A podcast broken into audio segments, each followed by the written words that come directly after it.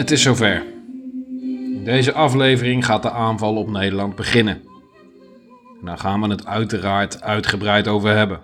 Maak je geen zorgen. Maar eerst een stukje Duitse propaganda, wat ik met jullie wil delen. In een bioscoopfilm uit mei 1940 werd de aanval op Nederland uitgelegd aan de gewone burger. Hitler had tot nu toe een hoop successen geboekt met geweldloze annexaties. Het was vanaf Polen ineens veranderd. Het waren ineens gewelddadige invasies geworden nu. En veel Duitsers hadden niet direct zin in oorlog.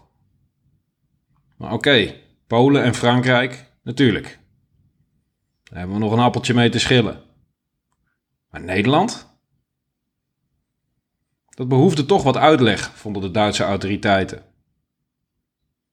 Als je goed Duits verstaat, zal je wel horen dat de meeste Duitsers niet direct stonden te popelen om een oorlog met Nederland te beginnen. Luister maar, en ik zal het na afloop een beetje proberen te vertalen. Jetzt wird es mal langsam ein bisschen zu bunt. Jetzt müssen wir noch die armen Belgier und Holländer dann glauben. Wieso dran glauben, ist doch denen ihre eigene Schuld. Wenn die das Neutralität nennen, brauchen sie sich gar nicht zu wundern, wenn sie eins aufs Dach kriegen. Und das haben die Holländer sicher nicht so gemeint. ja, das Volk vielleicht nicht, aber die Regierung. Und jedes Volk hat die Re- Regierung, die es verdient. Die harmlose Leute, die weiter nichts tun, als durch ihre Tulpenfelder spazieren gehen, Holländer Käse machen. Na, und die leckere Maiskes. Hm? Mit ihrer weißen Häubchen, mit ihrer Holzschuhe. Ja, von wegen harmlose Holländer, Tulpenfelder. Grenzbefestigungen haben die gebaut, damit sie uns möglichst lange aufhalten konnten, wenn die Engländer und Franzosen kamen. Ist doch gut so. Man muss seine Grenzen schützen. Ja, aber nicht nach einer Seite und zwar nur gegen uns. Ja, die können doch ihre Verteidigungslinien bauen, wo sie wollten. Äh, Die waren doch neutral. Ja, Du hast ja einen komischen Begriff von Neutralität. Nennst du das neutral, wenn die sich hintenrum mit den Belgier zusammentun und dann heimlich die Franzosen und Engländer reinlassen wollen? Na, warum sollen sie die Franzosen und Engländer nie reinlassen? Das hebt doch den Fremdenverkehr. Hör doch auf. ja, ja, und die Fremden wären dann in Holland und Berlin so lange herumgereist, bis sie eines schönen Morgens ihren Fremdenverkehr in das Ruhrgebiet ausgedehnt hätten. Kannst du nicht denken. Was sollen die denn im Ruhrgebiet? Radfahren lernen bestimmt nicht. Na also. Bitte sehr. Weißt du denn ja nicht, was das Ruhrgebiet für uns bedeutet? Ich kriege eine Kohle näher. Ja, nicht nur die Kohlen. Unsere gesamte Wirtschaft und vor allen Dingen unsere Rüstung hängt vom Ruhrgebiet ab. Ja, und das wollten die Brüder uns mit vereinten Kräften zerstören, nur um uns klein zu kriegen. Glaube ich nicht. Das weiß ich viel besser. Wenn die was vorgehabt hätten, dann hätten mir meine Freunde von drüben das schon längst geschrieben. Wie, was denn für Freunde von drüben? Na, Ich habe doch eine Freundin in Belgien und einen in Holland, die mir immer Sachen schicken. Kaffee, Tee, Butter, Zigarren, ja, lecker, lecker. Ja, Köpfchen, Köpfchen. Ja, Köpfchen. Deshalb tun dir auch die sogenannten Neutralen so leid, nicht? Weil sie dir keine leckeren Sachen mehr schicken können. Es war ein schwerer Schlag für mich. Ja, het is allemaal een beetje potsierlijk als je het zo hoort. Maar blijkbaar werkte het toen voor de Duitsers. Ik zal even uitleggen waar het ongeveer over gaat. Voor het geval je niet of weinig Duits verstaat. De een speelt een beetje de advocaat van de duivel. Vanuit Duits perspectief. Die man met die hoge, schelle stem. Het deed me een beetje denken aan Joe Pesci in Lethal Weapon. Hij speelt een beetje de naïeve, een beetje simpele gast die niet veel kaas heeft gegeten van militaire en politieke zaken. Maar hij spreekt wel een sentiment uit wat leefde onder de Duitse bevolking. Want moesten we nou echt ook nog Nederland aanvallen? Dat vreedzame buurlandje, dat niemand kwaad doet. Onze medegermanen, een broedervolk. Dat fijne landje waar al die lekkernijen en mooie vrouwen vandaan komen. En waar menig Duitser graag op vakantie gaat en familie en vrienden heeft wonen. Die zijn toch neutraal, net als in de Eerste Wereldoorlog? En we hebben geen territoriale rekeningen met ze te vereffenen. Laat ze toch lekker hun kaas maken en op hun klompen door tulpenvelden huppelen. De ander verwoordt de overwegingen van de regering. Want de oorlog moest verkocht worden aan de bevolking. Moest draagvlak worden gecreëerd. En dat draagvlak was dus beperkt. Hij zegt zoiets van: Nou, vergis je niet. Zo leuk is dat landje helemaal niet. Het Nederlandse volk is niet per se de vijand, maar de regering wel. En elk volk krijgt de regering die het verdient. Ze hebben hier zelf voor gekozen. Met andere woorden, eigen schuld, dikke bult. En ze zijn helemaal niet neutraal. Ze bouwen grensverdedigingen om ons tegen te kunnen houden. Allemaal specifiek naar het oosten gericht. En ze zetten de poort open voor de Engelsen en de Fransen. En die kunnen elk moment in Nederland landen om van daaruit Duitsland aan te vallen. En die staan binnen de kortste keren in het Roergebied. En het Roergebied is van vitaal belang voor de natie. We doen dit ook niet voor onze lol natuurlijk. Er is een groot complot gaande tegen ons. En de Nederlanders zitten er ook in. We moeten dus wel. We kunnen niet anders. Het is eigenlijk puur zelfverdediging wat we doen. Het is dé klassieke manier om een vijandbeeld te creëren en de dader-slachtofferrol om te draaien. Zo worden oorlogen vaak verkocht aan het volk. En in dit geval ook aan de Duitse soldaten. En die geloofden het. Althans, een heel aantal. Misschien is dat ook een mechanisme wat in werking treedt. Dat je jezelf graag voorhoudt dat je iets rechtmatigs doet, uit zelfverdediging. Het zal regelmatig naar voren komen in de meidagen dat Duitse militairen er vast van overtuigd waren dat die Engelsen al waren geland en actief meevochten aan de Nederlandse zijde. Vooral op de plekken waar ze veel weerstand zouden ondervinden. Dit kan niet anders, dit moeten wel Engelsen zijn. Volgens onze inlichtingen hebben de Nederlanders amper een functionerend leger. Dus hier klopt iets niet. En waarom zouden die Nederlanders überhaupt zo hard gaan vechten? Begrijpen ze dan niet dat we ze alleen maar willen helpen? Dat we ze eigenlijk gewoon bevrijden van het juk van de tyrannieke Britten. Zoals veel Duitse dingen uit die tijd moet je het met een korreltje zout nemen. Of liever gezegd, er was gewoon niets van waar. Er waren wat moeizame afspraken gemaakt tussen Engelse, Franse en Nederlandse commandanten voor de oorlog. Weinig concreet. Dat in het geval van een Duitse aanval de poorten open stonden voor hulp. Er is door de Nederlanders aangegeven dat alle hulp welkom was. Maar zwart op wit was het allemaal niet. Met name met de Fransen was het moeizaam onderhandelen geweest door de taalbarrière. Er was in ieder geval geen militaire aanwezigheid van die landen op Nederlands grondgebied. Laat staan dat er een grote landing op handen was. Laat staan dat die al begonnen was. Het was dus puur een excuus om de cynische, strategische overwegingen te verkopen als noodzaak als zelfverdediging. Soldaten der Westfront. Der heute beginnende Kampf entscheidet das Schicksal der deutschen Nation für die nächsten tausend Jahre.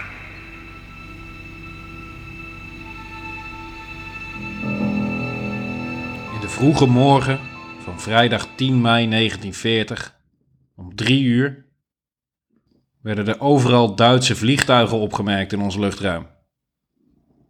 Die waren eerst over Nederland heen gevlogen. En daarvan werd aangenomen dat ze naar Engeland onderweg waren. Wij waren immers helemaal niet in oorlog met Duitsland, toch? Ze keerden echter om, boven de Noordzee, om bombardementen te gaan uitvoeren. Als voorbereiding op de luchtlandingen in het hart van de vesting Holland. Het was zover. Nazi-Duitsland viel aan. We waren er vooraf zo bang voor dat hij het zou doen, Hitler. En hij doet het. De Tweede Wereldoorlog was voor Nederland begonnen. De vijand viel aan met drie kwart miljoen soldaten in 22 divisies. Een 3 tegen 1 numerieke overmacht dus. Maar vooral qua materiaal domineerden de Duitsers op enorme schaal. Onze luchtmacht had 100 vliegtuigen. De Luftwaffe ruim 1100. Wij hadden 600 oude kanonnen. Duitsland had er 1400, moderne. Nederland had één tank. Duitsland 800. Ook hadden ze panzertreinen en grote hoeveelheden panzerwagens. Ondanks dat ging het grootste deel van de Duitse verplaatsingen gewoon te voet, te paard of met de fiets. Net als bij ons dus. En de kwaliteit van infanterie-vuurwapens ontliep elkaar ook niet zoveel. De gemiddelde Duitser was uitgerust met een vergelijkbaar geweer als de Nederlander. Dat wil zeggen een eind 19e eeuws enkel schots grendelgeweer met een patroonhouder van vijf kogels. De Hembrugkarabijn. De Nederlandse kogels waren wel erg verouderd. Die waren niet erg accuraat en richtten weinig schade aan door de ronde kop en het lage kaliber. De Duitsers hadden ook pistoolmitrailleurs in tegenstelling tot de Nederlanders. Daarbij moet worden opgemerkt dat die alleen door onderofficieren van de betere infanterie-eenheden voorhanden waren. En dat de implementatie van het nieuwe model, de MP40, nog niet was voltooid. Infanterie-ondersteuningswapens dan. De Duitse lichte en zware mitrailleurs waren ook niet per se veel beter dan de Nederlandse.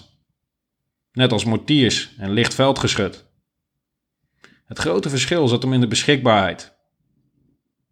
Een gewone Duitse eenheid had er ongeveer vier keer zoveel van. Hierdoor hadden ze een enorme berg meer vuurkracht.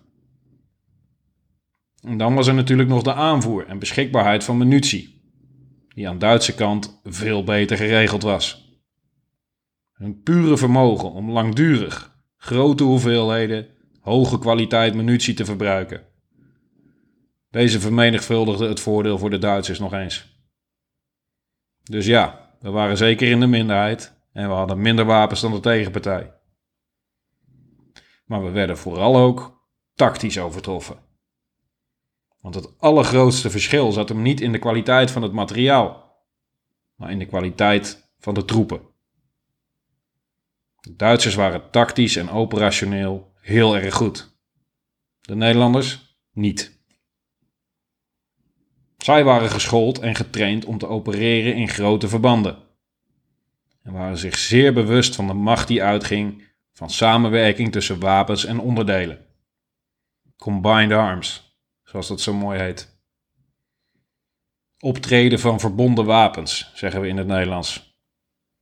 Combined arms pakt toch wat lekkerder, vind ik. De Nederlanders waren hier amper theoretisch van op de hoogte.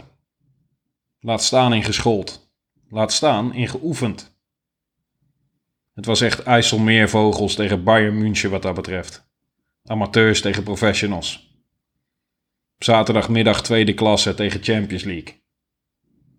En dit zou het grootste verschil gaan maken in de gevechten die zouden volgen. Your valor is beyond question. You must look into yourself to be the best soldier you can be. The second-rate soldier lives with mediocrity and dies with regret. But the first-rate soldier, he lives with honor. And when death comes, he dies with honor. Een enorme troepenmacht had zich langs de grens opgesteld om de aanval in te zetten. Aan onze kant van de grens waren enkele bataljons, een paar duizend man, flinterdun verspreid over een linie zonder enige diepte. Met elke paar kilometer een bunkertje. Er was hier geen artillerie aanwezig. Dat deze linie de vijand niet zou kunnen stuiten was te verwachten. Was ingecalculeerd, gepland zelfs. Ze moesten voor wat tijdwinst en inlichtingen gaan zorgen voor de achterliggende linies, om de puntjes op de i te kunnen zetten. Dat betekende inlichtingen over vijandelijke troepensterkte verschaffen, over aanvalsrichting, actieve eenheden, ingezet materiaal. En de laatste voorbereidingen van de verdediging kunnen dan in gang worden gezet. Het opblazen van bruggen, wegblokkades, dat soort zaken. Er werden zelfs nog haastig bomen omgezaagd of opgeblazen op een aantal plekken. Maar ook de evacuatie van burgers moest in gang worden gezet. Heel Midden- en Oost-Nederland, op de plaatsen waarvan verwacht werd dat ze in de frontlinie kwamen te liggen, werden de burgers naar Noord-Holland gebracht. Een van de weinige grote operaties die redelijk verliep voor Nederland. Om het snelle en directe doorgang te maken naar het binnenland, wilde de vijand de bruggen over de Maas en de IJssel intact in handen krijgen. Hiervoor werden infiltratieacties met in Duitsland opgeleide verraders met Nederlandse marechaussee-uniformen ingezet. Vaak zelf nagemaakt in Duitsland. Zij moesten de brugwachters verrassen en de bruggen tijdelijk bezetten, zodat panzertreinen de grens konden overschrijden. Die moesten dan achter de linies worden uitgeladen om de verdediging van de bruggen in de rug aan te vallen. Op de meeste plaatsen werd dit opgemerkt en zijn ze op tijd opgeblazen. Op één brug met infiltranten en al. De groepjes marechaussees en burgers die zo vroeg in de morgen ineens toegang wilden tot de bruggen, waren dus direct overal verdacht. De verdediging stond op scherp. De opzet lukte maar op één plek, in Limburg, bij het dorpje Gennep. Hier werd de brugverdediging verrast en overrompeld. Een panzertrein stootte door tot Mil, een stukje naar het westen. Hier werd de trein uitgeladen. Enkele honderden Duitsers begaven zich nu diep achter de linies. Meteen stuitten ze op hevig verzet. De oorlog barstte in alle hevigheid los daar in Brabant. De Nederlanders konden de aanval vertragen. Er zat ook een landmachtkazerne in Mil, dus er was veel Nederlandse activiteit in de omgeving. Ook hadden genietroepen de panzertrein laten ontsporen op de terugweg. Nu konden de Duitsers geen versterking meer aanvoeren per trein. Ze waren dus nu ook geïsoleerd. Het weerhield ze er niet van om overal aanvallen uit te voeren op Nederlandse stellingen. Er gebeurde ook nog iets opmerkelijks. Duitse troepen waren aan de achterkant van een artilleriebatterij terechtgekomen. Maar er was geen infanterie om de kanonnen te beschermen. Die konden ze echter snel de juiste kant op draaien en rechtstreeks vuur uitbrengen op de aanstormende aanvallers. Zo wisten ze de aanval af te slaan. Met alleen kanonnen dus. Blijkbaar een vrij unieke situatie in de krijgsgeschiedenis. De groep Duitsers die zich achter de linies bevond, zou spoedig versterking krijgen. Aangezien hier bij Gennep de enige beschikbare brug was, besloten de Duitsers hier met 30.000 man door te stomen. Ze moesten alleen nog wel door een relatief sterk punt van de pilraamstelling. Een kruising van kanalen en waterwegen met kazematten. Die versterkt en bemand werd door 2000 man, afkomstig uit de nabijgelegen kazerne. Deze konden steunpunten aflossen en kazematten bevoorraden en roleren. De Duitse commandant Gerhard Kaufmann was nu al gefrustreerd over het opgelopen tijdverlies. En besloot dan ook niet te wachten op artilleriesteun voor zijn troepen, maar frontaal de aanval in te zetten met zijn infanterie.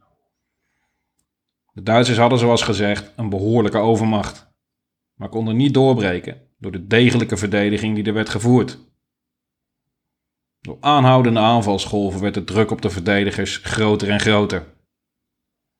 Maar pas een dag later, op 11 mei, trokken de Nederlanders zich terug. Nadat zware artilleriebeschietingen en bombardementen vanuit de lucht de strijd in Duits voordeel had weten om te keren. De Nederlanders hadden 80 man verloren, de Duitsers ruim 500. Toch een signaal.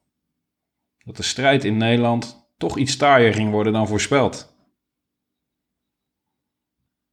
De zwakke verdedigingen elders aan de grens kregen nu het volle gewicht van de Duitse troepenmacht tegenover zich. Om zes uur ochtends begonnen de artilleriebeschietingen. Ruim vier uur lang zouden ze duren. De verdediging had geen kanonnen om iets terug te doen. Bunkers werden aan puin geschoten, bataljons gedecimeerd. De meeste Nederlanders hadden hier natuurlijk geen enkele ervaring mee en werden nu ineens blootgesteld aan de volle kracht van de Duitse oorlogsmachine. Op veel plaatsen waren de verdedigers nog maar op halve sterkte toen de Duitse infanterieaanval begon. Door de hevige bombardementen was er her en der paniek ontstaan en sommige troepen verlieten zonder bevel hun post. Soms maar een handjevol verdedigers achterlatend, die volledig geïsoleerd waren, omdat van onderlinge communicatie geen sprake was. Het zou de onzekerheid alleen maar vergroten. Maar wat er toen gebeurde is toch wel bijzonder. De zwaar gebombardeerde, onervaren troepen begonnen overal keihard van zich af te bijten. Er was genoeg reden geweest om terug te trekken, maar dat gebeurde vrijwel nergens meer. De troepen die waren gebleven hadden besloten tot het bittere eind te gaan.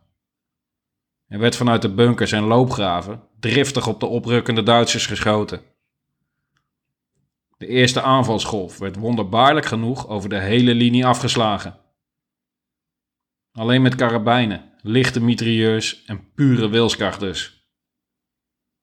De verdedigers hielden vol tot de munitie op was of tot ze omsingeld waren. De militaire plicht werd hier meer dan vervuld. De grensverdediging had zich namelijk zonder enige gêne mogen terugtrekken op het moment dat er onacceptabele verliezen zouden zijn. Of zelfs al op het moment dat de druk groot genoeg was om te kunnen onderbouwen dat doorvechten zinloos zou zijn. De opdracht van hogerhand was namelijk niet: hou zo lang mogelijk stand, ten koste van alles. Maar vertraag de boel een beetje en zoek een veilig heenkomen naar een betere stelling, verder naar het westen. Dat er zo fanatiek werd gevochten, tot de laatste kogel, tot de laatste man soms, in een zo totaal ongelijke en uitzichtloze strijd, kwam volledig uit de lucht vallen. Absoluut above and beyond the call of duty, zouden de Amerikanen zeggen. Hele Duitse divisies werden door groepjes van 10, 15 man, soms urenlang opgehouden. Verhalen van geestdriftige onderofficieren die ter nauwe nood groepjes soldaten bij elkaar hielden en bleven doorvechten. Ze probeerden uit alle macht de Duitse opmars te vertragen. En dat lukte naar omstandigheden best aardig. Naar omstandigheden best aardig. Stel je er ook weer niet al te veel bij voor. Vertraging was het hoogst haalbare hier. Het was niet zo dat de Duitse krijgsmacht hier aan het wankelen werd gebracht, of onacceptabele schade opliep. Of dat er op enige plaats of tijd tijdens de slag twijfel bestond over wie er ging winnen. Maar ze verbaasden zich wel degelijk over de felle weerstand die er geboden werd. Toch konden ze op de meeste plaatsen naar kortstondig verzet met enige vertraging doorstoten. Zoals ook blijkt uit het volgende fragment. An diesem Übergang fand in den frühen Morgenstunden ein kurzer, aber erbitterter Kampf statt. Dann war auch hier der Feind schnell bezwungen.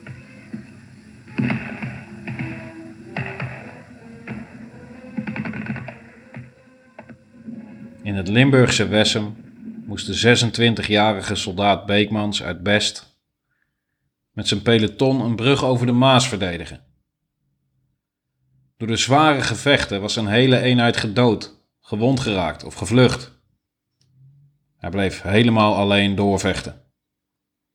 Zijn mitrailleur hield ermee op, maar hij niet. Ondanks dat hij zelf ook gewond was geraakt ondertussen. Met alleen een geweer heeft hij de Duitse overmacht weten tegen te houden. Keer op keer. Aanval na aanval sloeg hij af. Tot het urenlange verzet plotseling stopte. De Duitsers snelden zich naar zijn positie, die ze nu eindelijk zonder kleerscheuren konden bereiken. Daar vonden ze Beekmans, levensloos tussen de puinhopen. Hij was tijdens het vechten aan zijn verwondingen bezweken hangend over zijn geweer, nog steeds in gevechtshouding, gericht naar de vijand. Nu beseften ze, tot hun verbijstering en hun bewondering, dat het één man was geweest die ze al die tijd had weten te stoppen. En hij zelfs na zijn dood zijn positie niet had opgegeven. De ouders van de soldaat namen de Willemsorde in ontvangst, die een postuum was toegekend. Hij werd dus geridderd na zijn dood. Voor zijn heroïsche, uiterste en laatste verdediging van een positie, van een brug, van een rivier, van een land. De Duitsers hadden dus wat verliezen geleden en vertraging opgelopen aan de grens. Met name bij de rivieren door de opgeblazen bruggen. Ze moesten nu overal pontonbruggen plaatsen, voor ze verder landinwaarts konden. Bepaalde posities werden gewoon omzeild door de Duitsers. Fort Pannerden bijvoorbeeld. Die hebben al die tijd volledig geïsoleerd gezeten. Midden tussen de Duitse opmars. Op een aantal andere plaatsen werd er hard gevochten. En kwam er pas aan het eind van die eerste oorlogsdag een doorbraak voor de Duitsers. In Maastricht konden ze een tijd lang niet naar de overkant van de Maas komen door Nederlands geweervuur. Daar werd dus behoorlijk weerstand geboden en liepen ze vertraging op. Bij Venlo, Stijl en Kessel kwamen ze er op 10 mei helemaal niet doorheen. Daar mislukten alle aanvallen en leden de Duitsers zware verliezen. Pas op de tweede oorlogsdag werden de laatste en hardnekkigste grensposten tot overgave gedwongen. Door munitiegebrek, omsingeling of uitputting. Inzwischen haben die deutschen Truppen die ersten niederländischen Befestigungslinien durchstoßen. Der holländische Soldat leistete überall harten Widerstand. Dem deutschen Ansturm allerdings war auch er nicht gewachsen.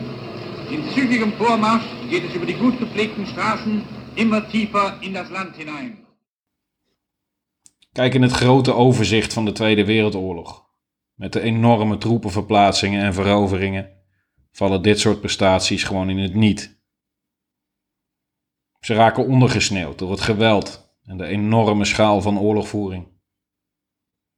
Men is geneigd om dit soort individuele ervaringen over het hoofd te zien.